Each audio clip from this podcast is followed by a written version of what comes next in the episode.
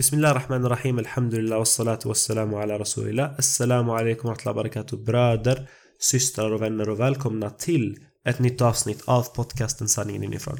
Denna podcast är till dig som vill utveckla dina kunskaper i Dawa samt till dig som har funderingar om Islams svar till diverse ämnen. Först och främst vill jag tacka de som har eh, donerat för att denna podcast ska kunna fortsätta. Jag är väldigt, väldigt tacksam till var och en av er. Jag uppskattar att ni gillar det som delas med i detta podcast för att jag som er anser att det här är väldigt viktiga ämnen som vi tillsammans borde gå igenom och inshallah förbättra oss själva i så att vår dawa blir så effektiv som möjligt. Ifall det finns någon som vill bidra till denna verksamhet och underlätta för mig att kunna gå igenom dessa ämnen det hade betytt väldigt mycket ifall ni kunde swisha till mitt nummer på 073 576 7879 Numret är alltså 073 576 7879 Märk jättegärna donationerna med meddelandet podcast eller sanningen inifrån eller hur ni än känner att ni vill göra det. Må Allah belöna var och en av er och öka er alla i godhet. Så. Jag beklagar verkligen att eh, min upload var väldigt sen. Eh, nu när det är en måndag speciellt. Det kanske passar att det går ut på en måndag. Men problemet är egentligen att jag har skippat en hel vecka och det är inte... Det var något väldigt oväntat egentligen. Jag hade laddat upp lite sent den här fjolveckan och det som hände var att jag inte märkte av att det blev ett 3-4 minuters avsnitt istället. Min export funkar inte så bra så det var enbart introt som blev uppladdat och till er eh, som har lyssnat, som hann lyssna på detta innan jag tog bort avsnittet. Jag ber verkligen om ursäkt och inshallah så ska jag försöka dela med det som jag egentligen ämnade att dela med den här gången inshallah. Dagens avsnitt, eh, då tänkte jag gå igenom ett ämne som har cirkulerat dawan i ett ganska långt tag. För det är flertalet duat, inklusive mig själv i en ganska lång tid sedan innan. Vi har använt oss av en metod i dawa som innebär att det finns då vetenskapliga, eller det påstås att det finns vetenskapliga mirakel i Koranen. Samt att det då bevisar sanningen i Koranen. Således att Gud existerar och att Koranen är absolut sanning. I, I, min väldigt ärliga åsikt, jag tycker att det här är en tabu i dawan. Jag tycker att det är ett problem som borde tacklas och man måste förstå vad en sån argumentation egentligen innebär. Och det är just det jag vill gå igenom idag. Jag vill bara förklara vad en sådan, ett sådant argument implikerar egentligen och vilka problem som kan uppstå när man väl argumenterar på det sättet och inshallah i nästa avsnitt, vilket blir då nästa vecka måndag. Då tänkte jag gå igenom ett, en lite bättre metod. Hur kan man annars argumentera istället? Tills dess, häng kvar och Jazakumullah khair. Jag hoppas att ni uppskattar avsnittet.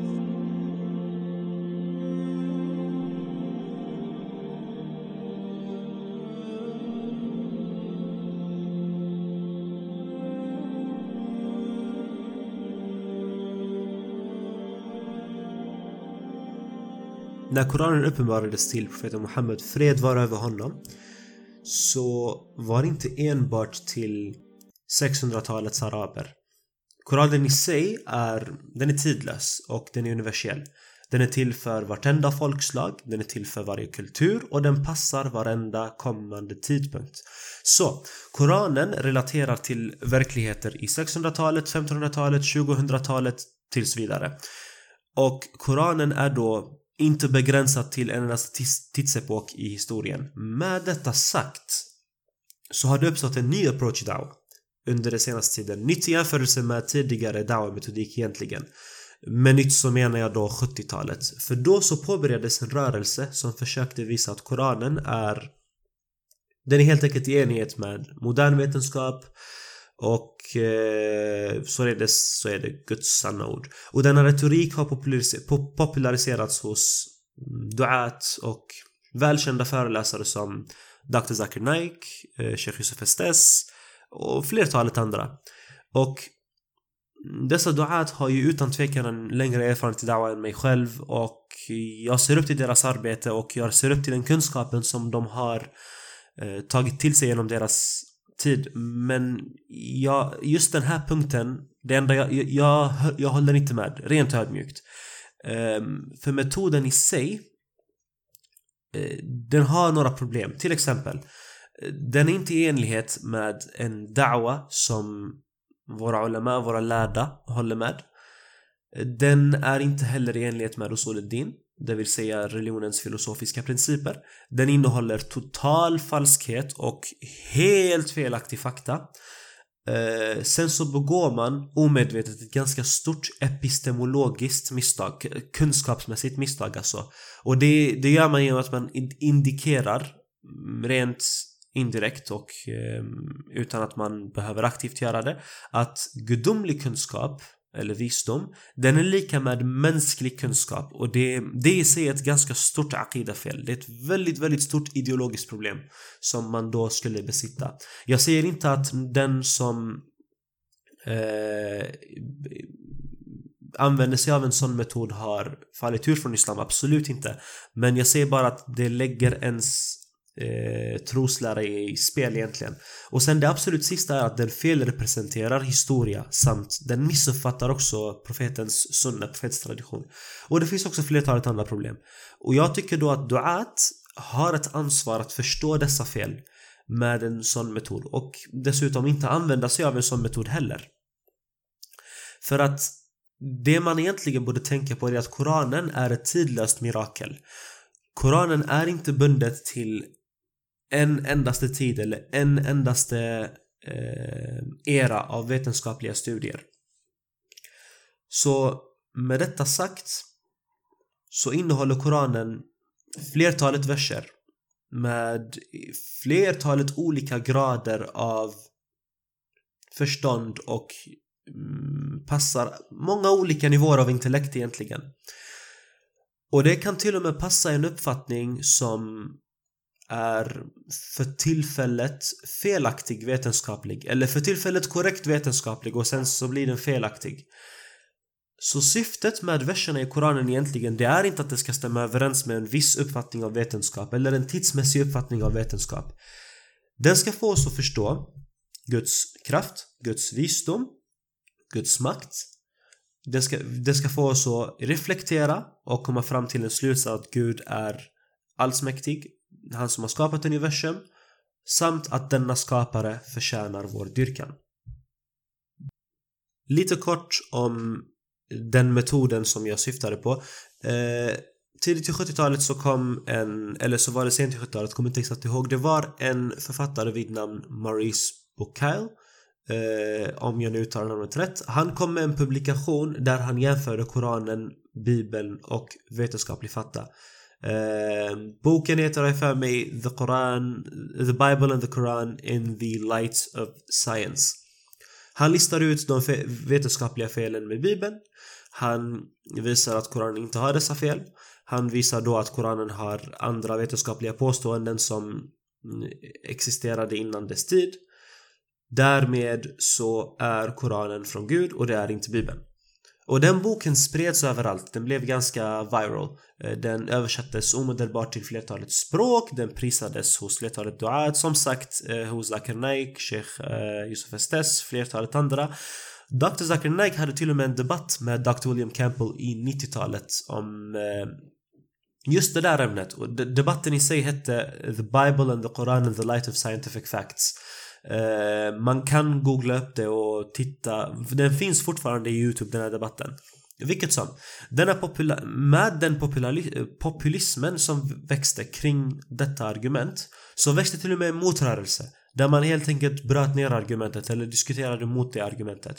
Metoden i sig, den blev till och med kallad för Bukailism.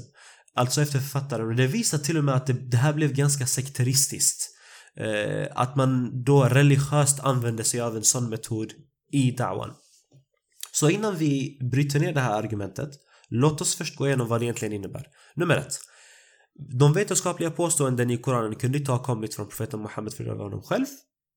För att han inte hade tillgång till informationen. Därmed är Koranen från Gud. Nummer två.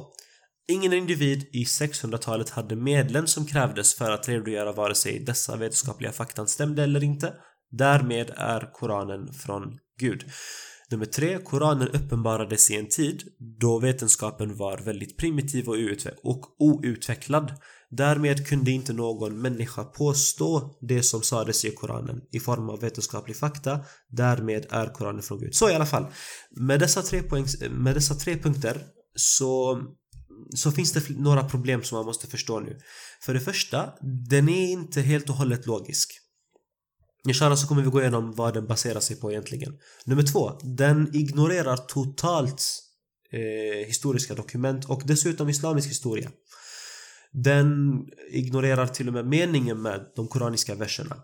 Och mm, för att göra det ännu värre, den struntar totalt i vetenskapens grunder och principer samt den induktiva naturen som vetenskapen eh, är grundad på. Det vill säga att eh, vetenskapen eh, Eh, eh, är baserat på begränsade observationer samt att eh, det kan därmed förändras beroende på om nya observationer kommer fram eller inte.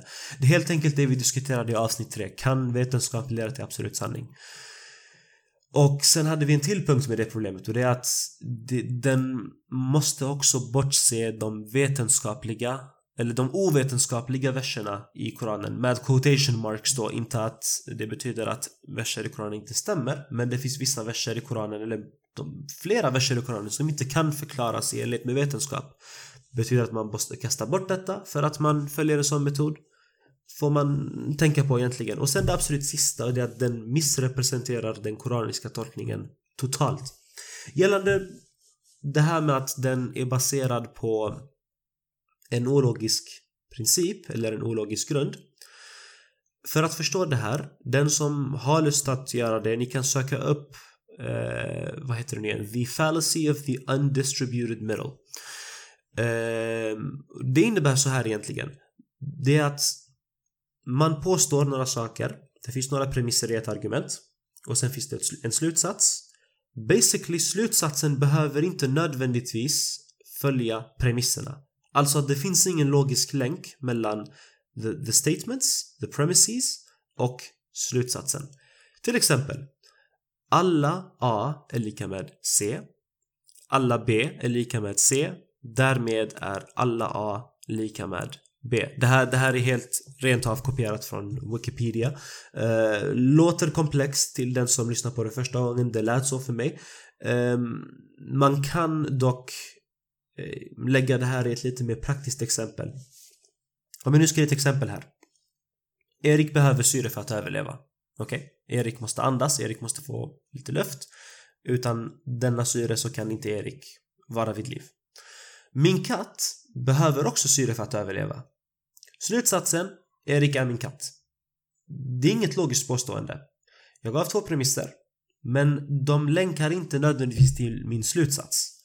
Så bara för att syre är en likhet i överlevnad mellan katt och Erik så behöver inte nödvändigtvis Erik och min katt vara en och samma bi eller vara en och samma sak. Så argumentet till fråga eh, det vetenskapliga eller alltså med citattecken vetenskapliga argumentet till Koranen det begår precis samma misstag. Låt mig ta exempel från embryologi till exempel. Eh, första påståendet Embryologi beskriver en implantation i livmodern och en implantation i livmodern kan beskrivas som en trygg plats. Nummer två. Koranen använder orden Qararin makin i detta fall vilket kan betyda en trygg plats. Därmed beskriver Koranen den vetenskapliga faktan i form av implantationen i livmodern. Så detta resonemang för det första, den, missrep den missrepresenterar tafsir, eller den koraniska tolkningen. Då eh, Ibn Kathir säger bland annat att det här syftar inte på denna implantation, the implantation of the blastocyst, om man nu vill söka upp det lite mer.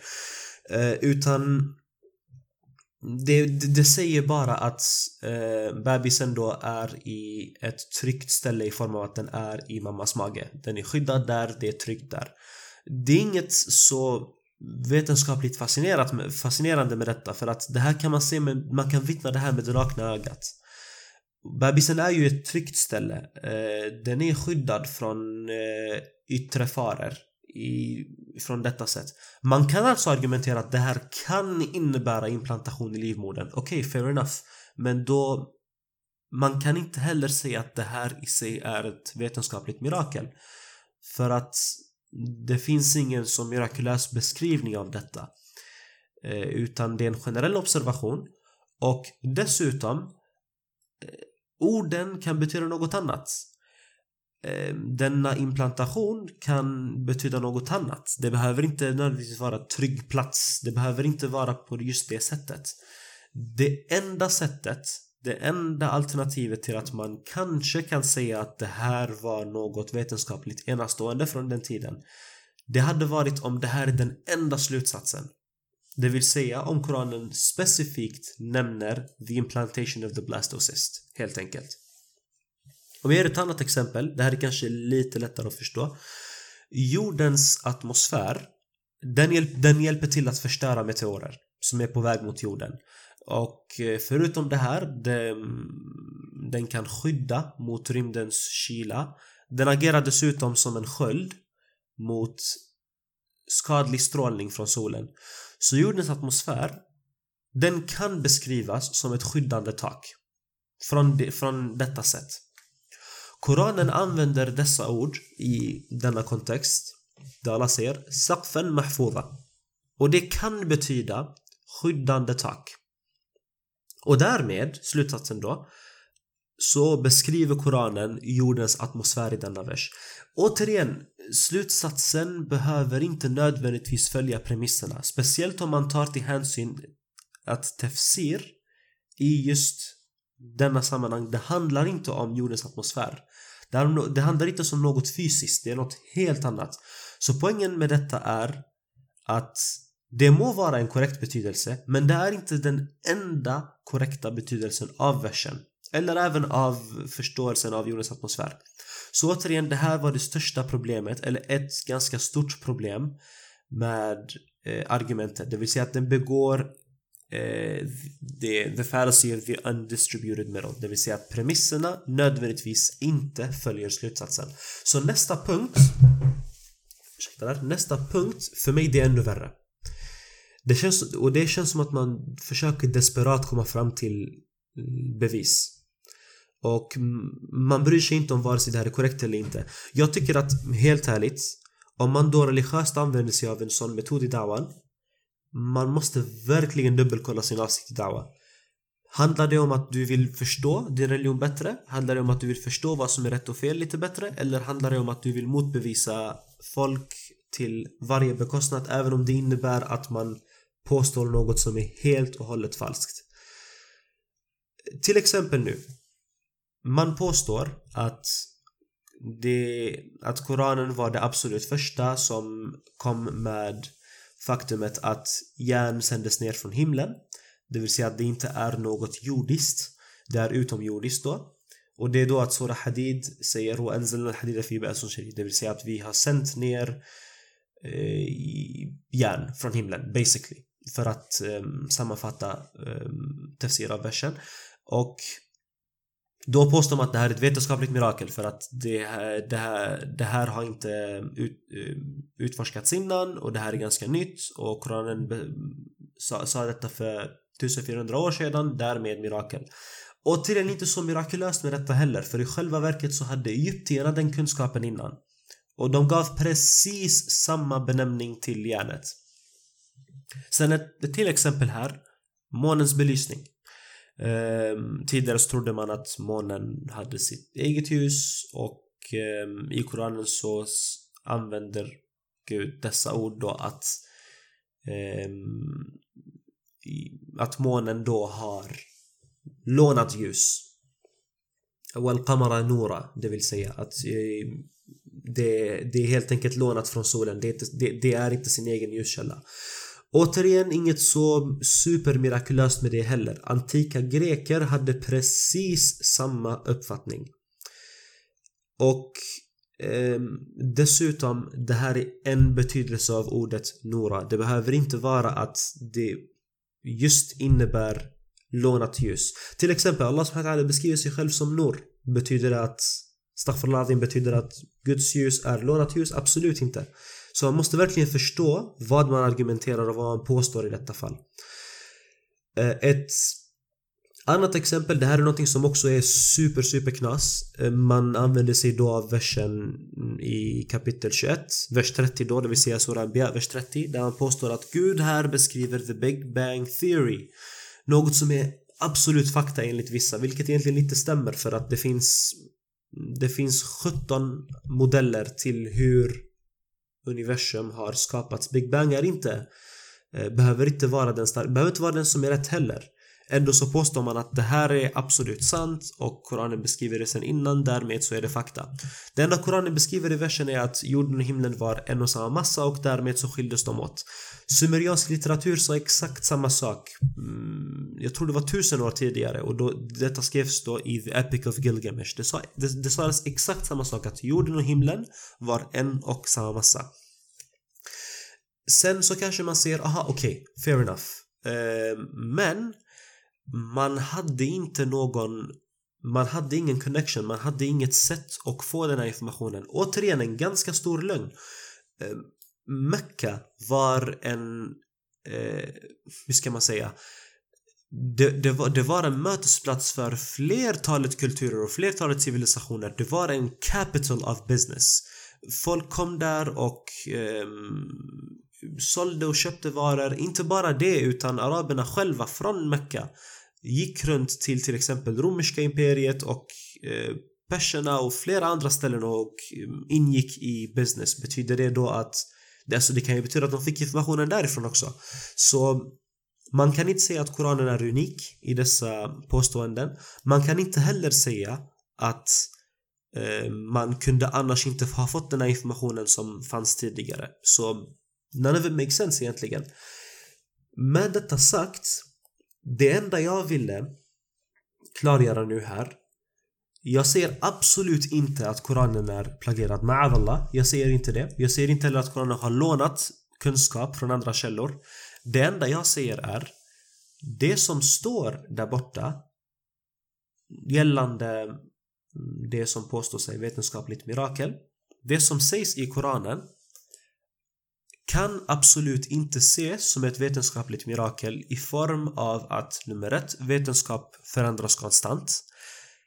Till exempel om det nu skulle bevisas imorgon, vetenskapligt säger vi, att eh, ja, eh, universum har ingen början, den har existerat i all evighet. Då kommer folk plötsligt börja tänka, jaha, men eh, min islam grundar ju sig på att Koranen är vetenskapligt korrekt.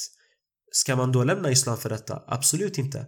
För det jag säger då är att vetenskap är inte den enda källan för sanning. Du kan bevisa sanning på flertalet olika sätt.